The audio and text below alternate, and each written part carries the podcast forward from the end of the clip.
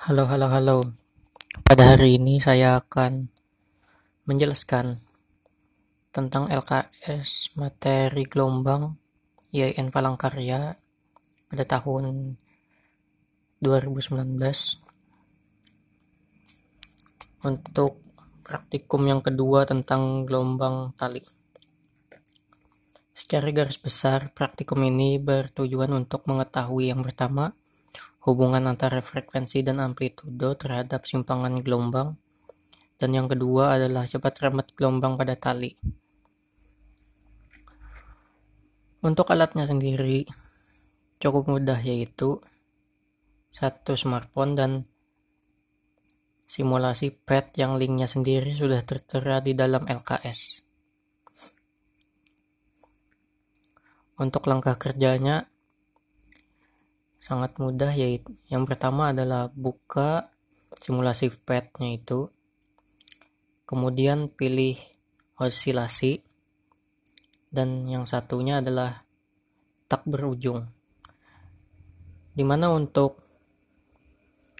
bagian penggaris menghitung waktu dan garis penanda itu dicentang semuanya pada bag dan pada bagian frekuensi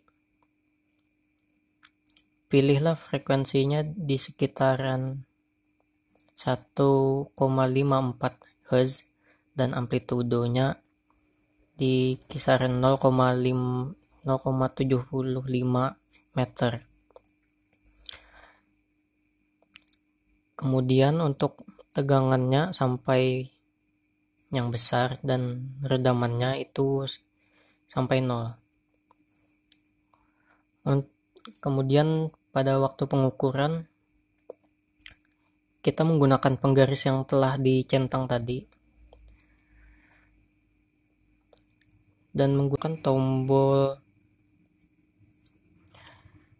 play, pause untuk mempermudah melakukan pengukurannya.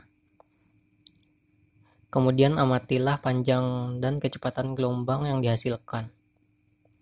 Di mana kecepatan gelombang sendiri mempunyai rumus V sama dengan panjang gelombang dikali F